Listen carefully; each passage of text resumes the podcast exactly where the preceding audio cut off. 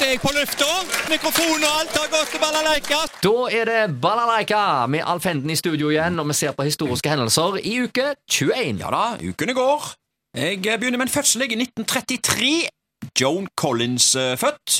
Skuespiller, født i England, eh, der hun hadde sin første store filmrolle i 1952. Tre år senere flytta hun til Los Angeles, og det ble en del spillefilmer med henne, og hun var ofte å se i såkalte gjesteroller i TV-serier. Jeg tenker nå spesielt på sånn som Gullguttene og Baretta. Det var jo sånne som var suksesser på i Detektimen på NRK. Ja visst.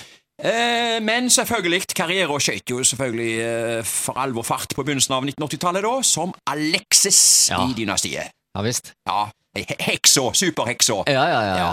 Siden 2021 har John Collins spilt fast i Netflix-serien Glow and Darkness. Hun er altså født i 1933. Se det. Ja, så hun vokste til. Hun Vokste til, ja. Ja. 1957. Lars Bonheim født. Politiker fra Venstre. Partileder, stortingsrepresentant, eh, innvalgt fra Hordaland, da, og både nærings- og handelsminister og landbruksminister i to Bondevik-regjeringer. Og jeg husker at I forkant av eh, stortingsvalget i 1993 så hadde han lova å gå til Oslo dersom han ble valgt inn, eh, og det gjorde han. Ja. Han ble både inn og gikk til Oslo. I dag er Sponheim statsforvalter i det nye fylket Vestland. Hendelser internasjonalt. Jeg begynner med et dødsfall i 1906. Henrik Ibsen dør hjemme på soverommet sitt i Arbins gate i Kristiania. Han hadde jo da flere ganger vært rammet av slagtilfeller, og i 1900 fikk han forbud mot omgang med penn og blekk av Åh? legen sin. Ja, Okay. jeg tenker Ibsen uten penn og blekk, det blir vel som en gitarist uten gitar. Ja, det gjør jo grunnen det, altså. Ja, Da måtte han ta det muntlig, da. Ja, jeg vet ikke hva han gjorde, jeg, men eh, han slutta jo egentlig å skrive. Når jeg tenker meg om, så var hans siste verk det var Når vi døde vogner. Det kom i 1899. okay. Så vidt jeg husker. Eh, 1934. Det berykta gangsterparet Bonnie eh, Clyde. Clyde dør i en skur av geværkuler på en øde landevei i Louisiana. Det ble jo eh, film av dette. Hendelser lokalt, og tar jeg kino i uke 21. 2006 i dag på Edda. Mummitrollene. Kometen kommer. Så jeg filmen X-Men, The Last Stand, med Hugh Jackman og Hall Barry.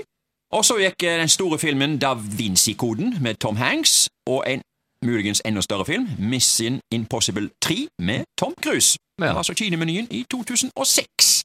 Og så skal vi holde oss litt til kinomeny. 1981, du. Overskrift i Haugesunds Avis.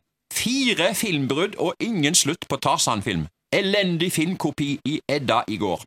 Det var et mareritt for Edvin Nordbotten å være kinomaskinist under barneforestillingen i Edda i går ettermiddag. Hele fire ganger slet filmen seg, lyden var elendig, og slutt var det ikke i det hele tatt.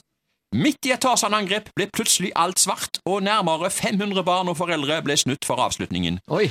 Det er det verste jeg har vært med på. Jeg skrev umiddelbart en rapport til både kinosjef og importør hvor jeg understreket at kopien var helt ubrukelig.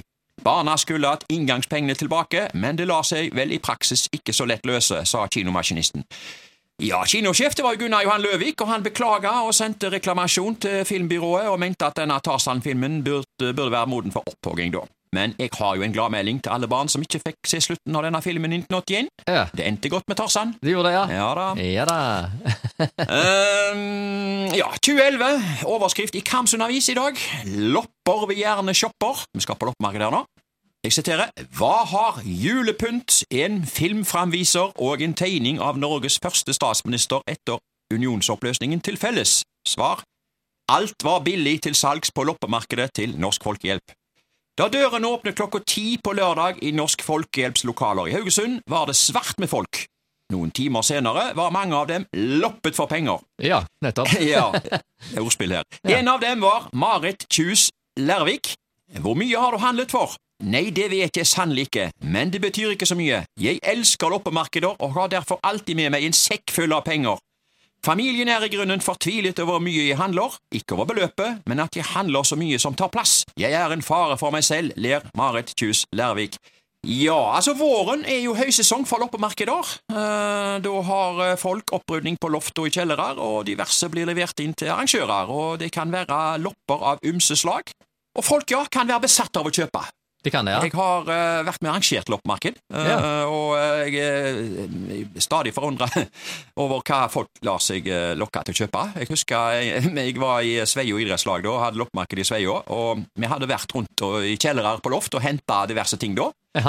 Eh, og noen av disse her uh, kassene kom jo, krøp det jo tordivler ut av. Oi. så det var tydelig at det hadde ligget lenge nedi der. Ja, ja, ja. Eh, og jeg husker vi plukket fram en, eh, en eh, bikini fra 60-tallet. Oi. Den, Og den var vel spist? det var nesten sånn at vi hadde ikke lyst til å legge den fram på Ai, ai, bordene. ai. Hvor lang tid tror du det tok før du kom ei dame og kjøpte den? Gikk det bare et par minutter? Ja! så så uh, loppemarkeder Ja. er, ja, altså, jeg må jo bare spørre, da. Ja. Loppemarkeder! Hot or not? ja, det er hot. Det er hot.